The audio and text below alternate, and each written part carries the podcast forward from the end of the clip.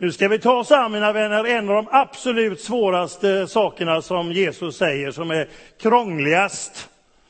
Han säger en del saker som eh, är lite sådär, man hajar till.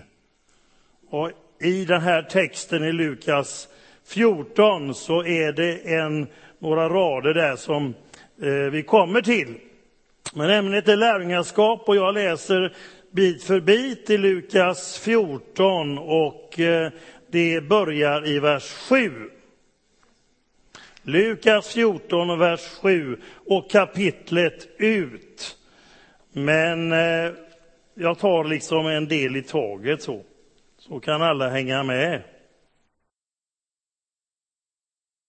De som ödmjukar sig ska bli upphöjd. Det är grundtemat i första delen. Börjar man från botten kan man bara stiga uppåt. Eller hur? Ödmjukheten. Jesus eh, citeras, eller Paulus skriver i Filipperbrevet att var så till sinne som Jesus var. Tänk inte bara på ditt eget bästa utan på andras.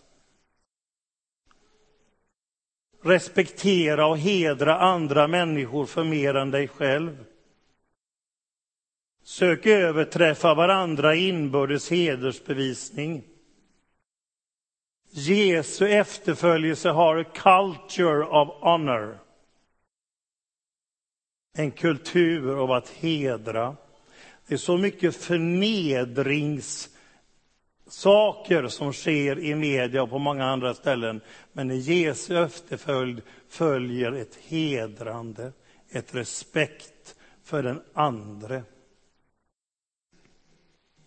Och den som ödmjukar sig ska bli upphöjd. Och nu tycker vi att ljudteknikerna har ödmjukat sig så länge så vi har upphöjt dem. Vi ger dem en applåd tycker jag. Ja! Ni har tjänat så bra där nere så nu får ni stiga lite uppåt. Känns det bra? Ja, vi har bett, vi ser varandra bättre nu. Ja, det är toppen. När Jesus, han är på ett kalas inbjuden. Och det intressanta är att han tillrättavisar både gästerna och världen, det tillhör inte vanligheterna. När Jesus märkte hur gästerna försökte få de främsta platserna vid bordet gav han dem en liknelse. Och man satt i U-form. Så världen i mitten och så ju närmare världen desto mer hedrande plats hade man.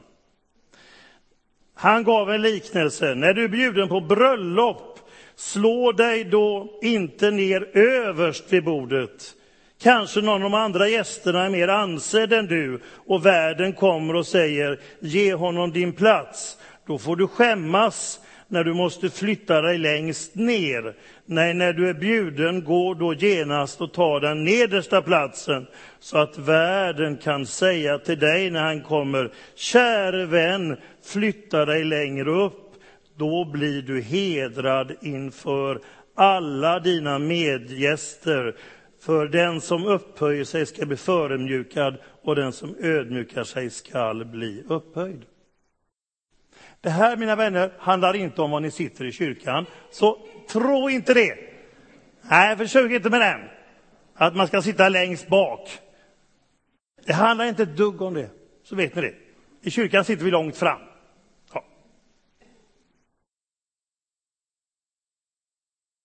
Men det är inställningen, det är attityden. Den som tar den tjänande platsen, den som börjar för botten, kan bara stiga uppåt. Så är vägen i Guds rike. Det är ödmjukheten, att sätta den andre faktiskt i större respekt än för mig själv. Det är inte jaget, det är egot, utan omsorgen om den andre. Det är Jesus som gör slavens göra när han tvättar lärjungarnas fötter. Djupaste uttrycket för ödmjukhet som judendomen kände till. Och han tvättar fötterna, han tvättar mänsklighetens fötter och han säger, jag har gett er ett exempel, följ det. Sen tillrättavisar han världen minsann. Kan ni tänka er? Här säger han till världen, när du bjuder på middag eller någon annan måltid, bjud då inte dina vänner eller bröder eller släktingar eller rika grannar så att de bjuder tillbaka och det blir din belöning. Nej, när du ska ha fest så bjud fattiga och krymplingar, lytta och blinda. Salig är du då eftersom de inte kan ge dig någon belöning. Belöningen får du då vid de rättfärdigas uppståndelse. Det är ju inte så att Jesus avvisar vanligt socialt umgänge. Det är klart att vi får umgås och ha fest med våra vänner. Det fattar vi ju. Eller hur? Det är ju jättetrevligt. Vi har haft så många roliga fester i sommar. Folk som har kommit ner från församlingen och från Australien och Vitryssland och vi älskar Anette och jag att ha, ha på verandafest. Det är underbart.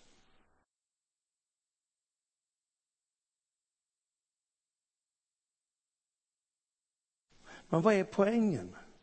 Jo, poängen är att alla de som han hade bjudit, alla de kunde bjuda honom igen. Tänk vilket jobb det blev. Om du bjuder hundra stycken på en fest och alla, alla är så rika och har det så bra så de kommer skicka inbjudningskort till dig. Ska vi fixa det, Anders? kommer hundra inbjudningskort. Hela sommaren och hösten är fulltecknad. Bjud dem som inte har möjlighet. Vad är poängen? Jo, att generositet, sann och djup generositet, det är att kunna ge någonting åt den som inte kan återgälda. Det är generositet. Det är generöst att bjuda dem som kan återgälda. Ni är med mig, men den djupaste tonen finns där. Utmärkt exempel på detta är ju Emil i Lönneberga, eller hur? Ja, hans fantastiska taberas. Eh, kommandoran som tar allt käket och har gjort ordning ett stort kalas för dem i Ingatorp men, och tagit maten från de fattiga. Men Emil, han har tänkt annorlunda.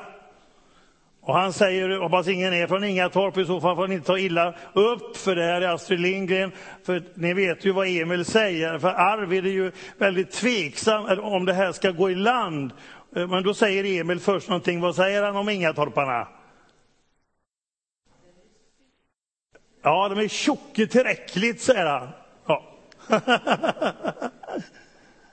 ja, säger Arvid, det må vara så, men jag är inte helt säker ändå. Då säger han det avgörande argumentet. Om vi gör det här så kommer änglarna att klappa i händerna, säger Emil. Okej, okay, säger Arvid, vi kör.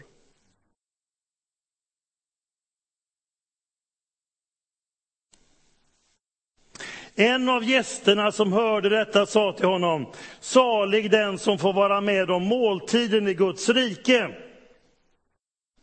Och det är bilden av himmelriket, det är en stor måltidsfest. Alltså vi kommer göra andra saker också. Men, men kristendomen börjar med en bröllopsfest.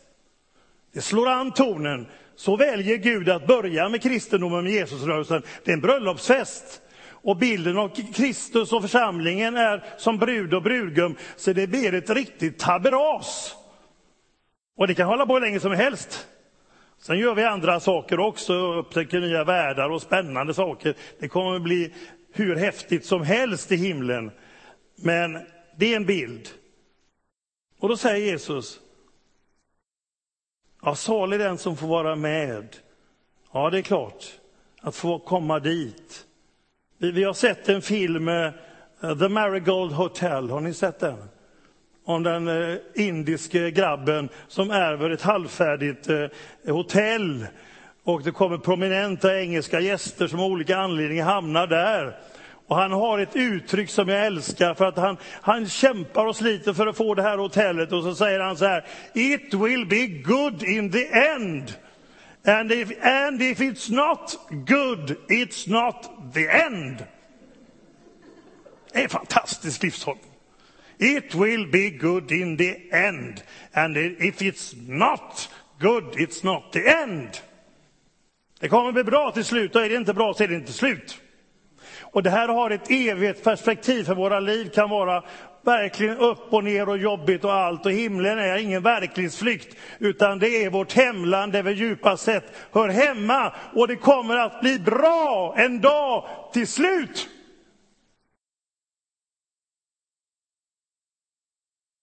Vi säger borta bra men hemma bäst. Det kommer verkligen att få sitt riktiga innebörd den dag vi kommer in i den himmelska världen. Då kan vi säga borta bra men hemma bäst. Anders, vill du ge mig vatten i glaset där? Är du snäll?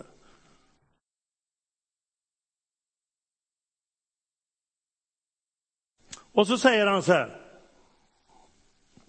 Det här hör ihop med hela lärjungaskapstesten.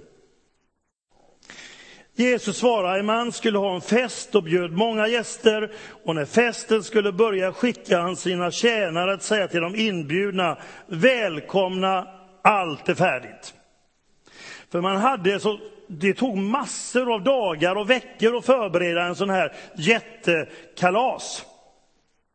Så det var inte bara man svepte ihop någon liksom en eftermiddag, utan det var flera veckors förberedelser.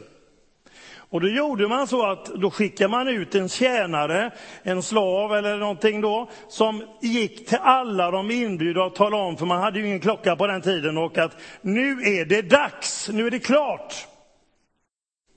Och att då säga nej, om man inte sa nej från början, det var det värsta etikettsbrottet, den största förolämpningen och anledningen kunde bli en krigsförklaring.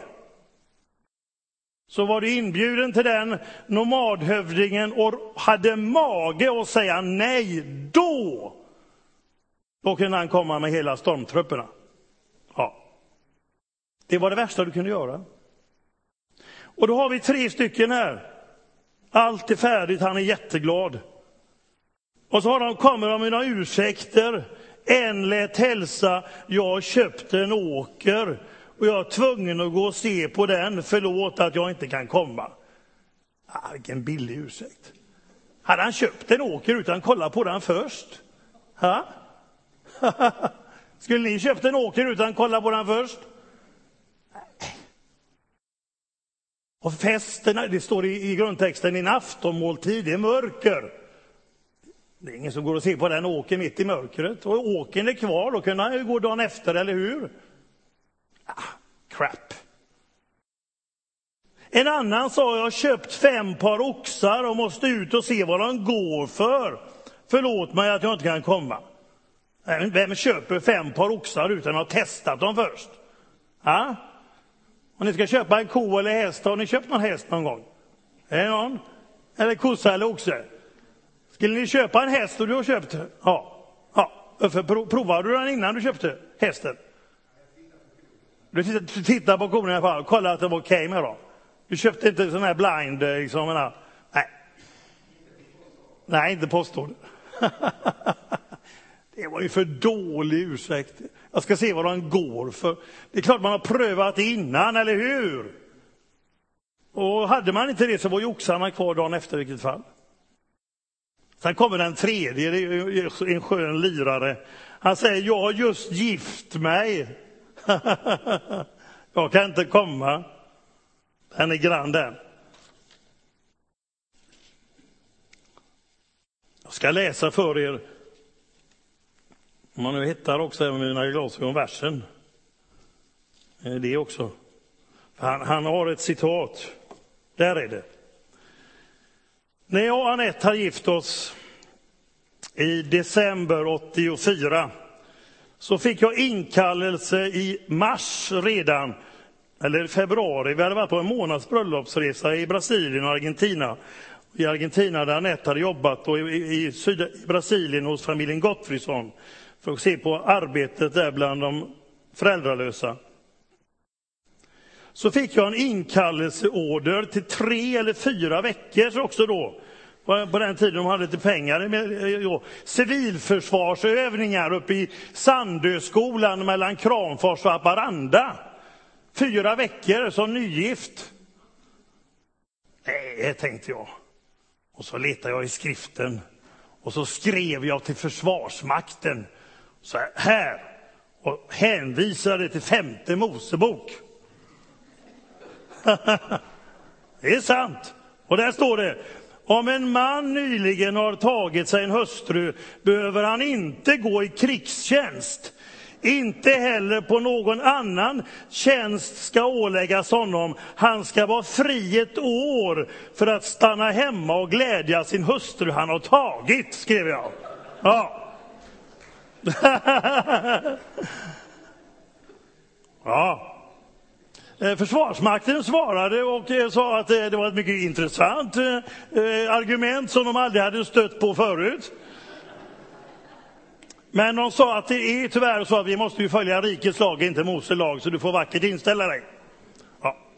Vi löste det så att Anette och jag vi möttes i Uppsala hos David och Åse Verja som var där, så vi kunde mötas halvvägs. Så det var ju käckt, men Försvarsmakten noterade med intresse att det var ett nytt argument. Det, det, kan vara det här som han eh, tänker sig, liksom så, jag ska vara hemma nu med frun här. Men hade han tänkt på vad frun tyckte? Hur ska han komma hem och säga till henne, vi är bjuden på stort kalas, jag sa nej. Ja, tror du han reder ut det med frun? Tror du inte hon ville gå på en härlig bröllopsfest? Ja? Vad säger ni fruar? Om era gubbar kom hem och sa det att nej, jag sa nej för jag, jag tyckte vi kunde vara hemma istället och ha, ha fredagsmys eller vad man nu säger. Va? Ja, vad säger ni? Skulle ni köpa den förklaringen? Nej, jag tror det skulle bli ganska mycket botgöring för gubbarna där. Ja. Fick gå med soporna flera gånger extra i veckan. Hur kunde du säga nej till något sånt? Äktenskapet, jordiska band, jordagods, världsliga egendomar, oxar, jordisk arbetsinsats. Och inget av de tre sakerna är fel, men rätt sak på rätt plats med rätta proportioner. Och det blir det när Jesus är vårt centrum. Då blir han galen, helt naturligt, värden för bröllopet, när de kommer med sådana urdåliga sena ursäkter, genomskådliga lätt som helst. Och då säger han, gå ut på gator, det var en enda tjänare alltså han hade att göra. Gå genast ut på gator och gränder i stan och hämta hit alla fattiga krymplingar och blinda och lytta. Och det kan vara alla marginaliserade människor, men staden är också en symbolik för judendomen. Gå till de andra judarna som finns i stan. Och så går han runt till alla de här, han får verkligen jobba järnet för han är själv. Och han kommer tillbaka, Herre, jag har gjort allt som du har befallt. Men det finns ännu plats. Då sa mannen till sin tjänare, gå ut på vägarna och stigarna. Tänk om man bara skulle skicka ut er här ute i skogarna och stigarna i Delsjöområdet och du är själv. Och säga till den första du möter här ute i Delsjöpromenaden, du, du är bjuden på, på bröllop. Tror du han skulle tro det är sant? Först skulle han hitta dem och sen skulle han övertyga personen. Det är faktiskt sant, du är bjuden på det här bröllopet, kan du komma rakt av? Det var ingen lätt uppgift. Det står se till, säger Jesus, se till. Alltså nödga dem eller nästan tvinga dem, alltså nästan, nästan. Se till att de kommer hit, ut på gator, stigar och gränder. Vilken kondition alltså. Nu har ju Pokémon kommit, så alla ni som spelar, hur många är det som spelar Pokémon? Det är Sara. Ja, man får gå flera mil för att kläcka de här äggen och sånt. Liksom inte jag har pysslat med det. Det är en perfekt grej, säger min fru som har gjort det en gång, att, eh, att motionera. Plötsligt så sitter alla datanördar som har suttit fastklistrade ute och går till sina föräldrars stora överraskning fyra mil en dag. Ja, ni får ta reda på det mer av de som kan det, men det är, det är ingen dålig grej. Han hade bra kondis. Han är ute på vägarna och stigarna. Och så säger han så här. Och så måste han övertyga dem. Och vägarna och stigarna, det är hedningarna, alltså icke-judarna, du och jag. Se till att både judar och hedningar kommer så att mitt hus blir fullt. Det finns, det kommer bli fullt, det är Guds rikes tillväxt. Det växer till, men det kommer alltid att finnas en plats för dig och mig. Men det kommer bli fullt. Men platsen finns. Och Göte Strandsjö, låt oss sjunga. Som när ett barn kommer hem. Kommer texten, vi sjunger en vers. Har vi texten där? Ska jag flytta mig kanske lite? Jag tar upp det. Det ska vara i C-dur, får vi se hur det går. Som när ett barn kommer hem om kvällen och möts av en vänlig famn så var det för mig att komma till Gud. Jag kände att där hörde jag hemma. Det fanns en plats i Guds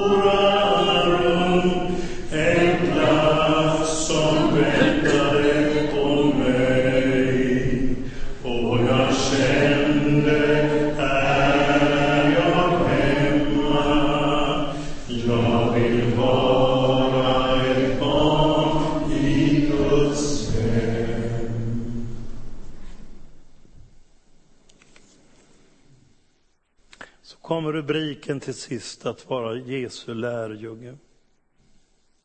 Stora skaror gick tillsammans med honom och han vände sig om och sa. Han upprepar tre gånger, den som inte gör på ett visst sätt kan inte vara min lärjunge. Det kan ju låta lite nedslående, men det ska ses i ljuset dels av festen, måltiden, bröllopet och nu så kommer en av de krångligare verserna. Om någon kommer till mig utan att hata sin far och sin mor och sin hustru och sina barn och sina syskon, där till sitt eget liv kan han inte vara min lärjunge. Och läser man det så helt, bara rycker det rakt ut, så låter det inte klokt. Men Luther sa, skrift ska med skrift förklaras. Bibeln talar ju väldigt mycket om att du ska älska din nästa som dig själv. Du ska till och med älska din fiende, din ovän, står det. Så det kan ju inte vara, Jesus talar ju inte om hat. Utan han talar om älska mindre. Att Jesus får vara i centrum av vårt liv. Att han har vår djupaste lojalitet. Det är ingen motsats. Vi älskar, ska älska vår familj, och våra barn och föräldrar. Vi ska hedra vår fader och moder, står det, för att det må gå dig väl och du må länge leva. Men Jesus vill åt det som är allra kärast och ändå plocka in att efterföljelsen av Jesus är inte ett fritidsnöje, inte jag vet hur svårt det ibland i olika tider att få livspusslet att gå ihop, utan ändå, jag vill, jag tror, hjälp min otro. Jag älskar predikarens ord i engelsk översättning.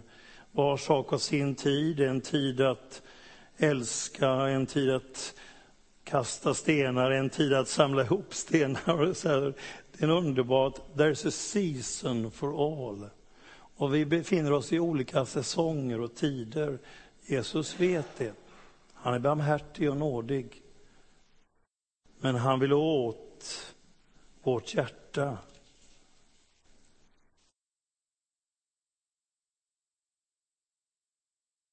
Det som kan hålla tillbaka. Det berättas om den originelle pastorn C.G. Hjelm. Fick ni höra honom någon gång? Ja? Kommer ni någon som kommer ihåg? Han hade möten här i Fässbergsskolans aula på 60-talet och jag vet, glömmer aldrig min pappas ansikte när han hörde att C.G. Hjelm skulle komma, då sken han som solen och sa, nu blir det roliga möten Ingemar, sa han. det var fullsatt. Och en dag så var det en man som sa till honom, du borde bli en kristen, sa C.G. Hjelm. Jag kan inte, sa han. Jag måste tänka på min ställning. Och då sa C.G. Hjelm, men kliv ner från ställningen då. ja. Det som vi kan låsa oss. För tron kan vi kan, vi kan ha en god tradition och arv och tradition. Och, men det går inte att leva på det, utan det måste vara det personliga mötet. Och att vi inte låter släktens uppfattning, om det nu skulle vara så att de inte gillar det, att du följer Jesus, det kan faktiskt hända det. Eller familjen, eller någon annan. Så följ Jesus. Då, då kommer det andra på sin plats. Det är det Jesus vill åt därtill sitt eget liv, kan vi ju svara med att älska din nästa som dig själv. Det talar ju om att älska sin, som man också ska älska sig själv. En del har ju svårt för det, men det behöver vi. Men det handlar om nämligen det som står nere i vers uh,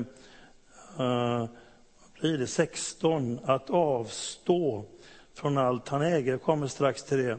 Det innebär att man uh, uh, inte låter något annat få prioriteten, utan man kan försaka något för det viktigaste.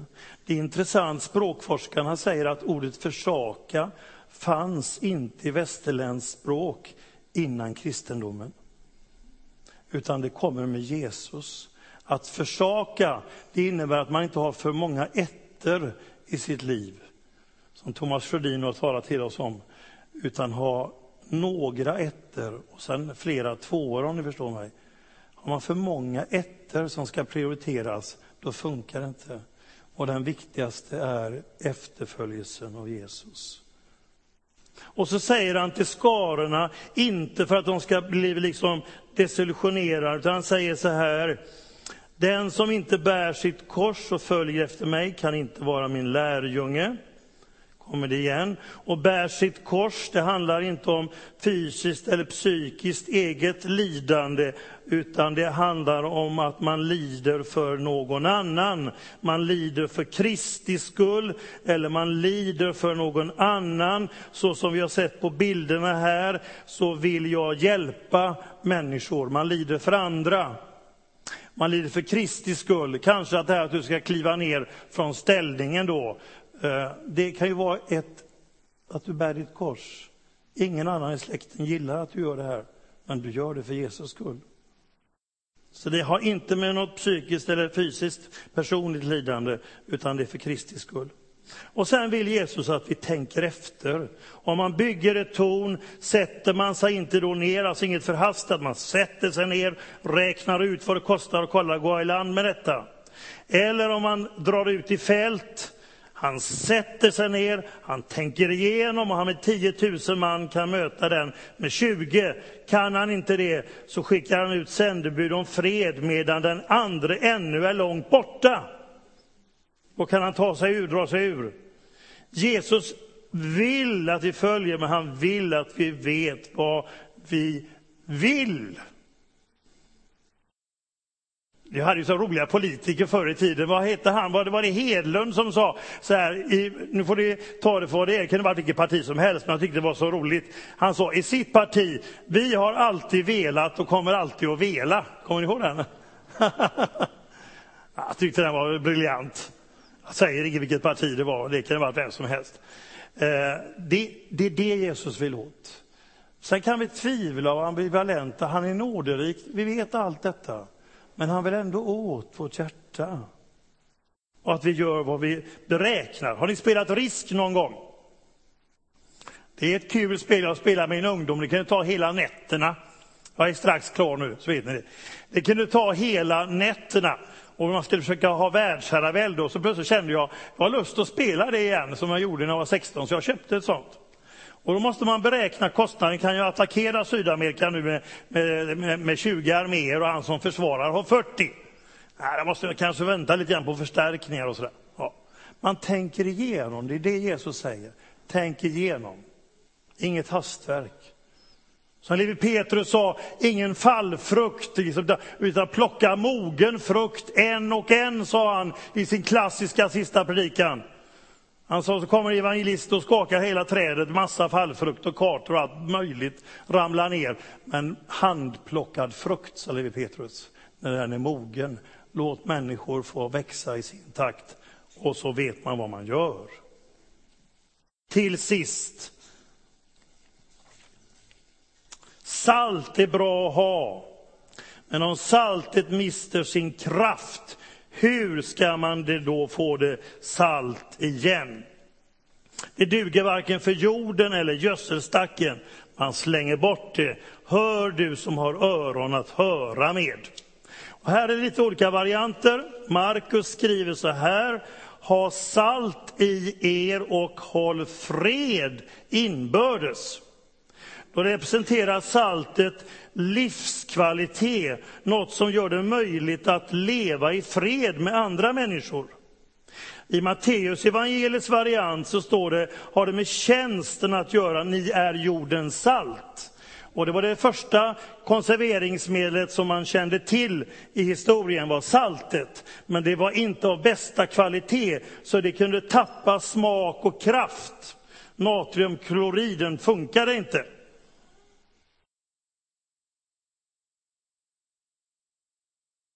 Och grekerna sa att saltet kunde skapa en ny själ i döda ting. Och man använde det som smaksättning och som medel mot förruttnelse.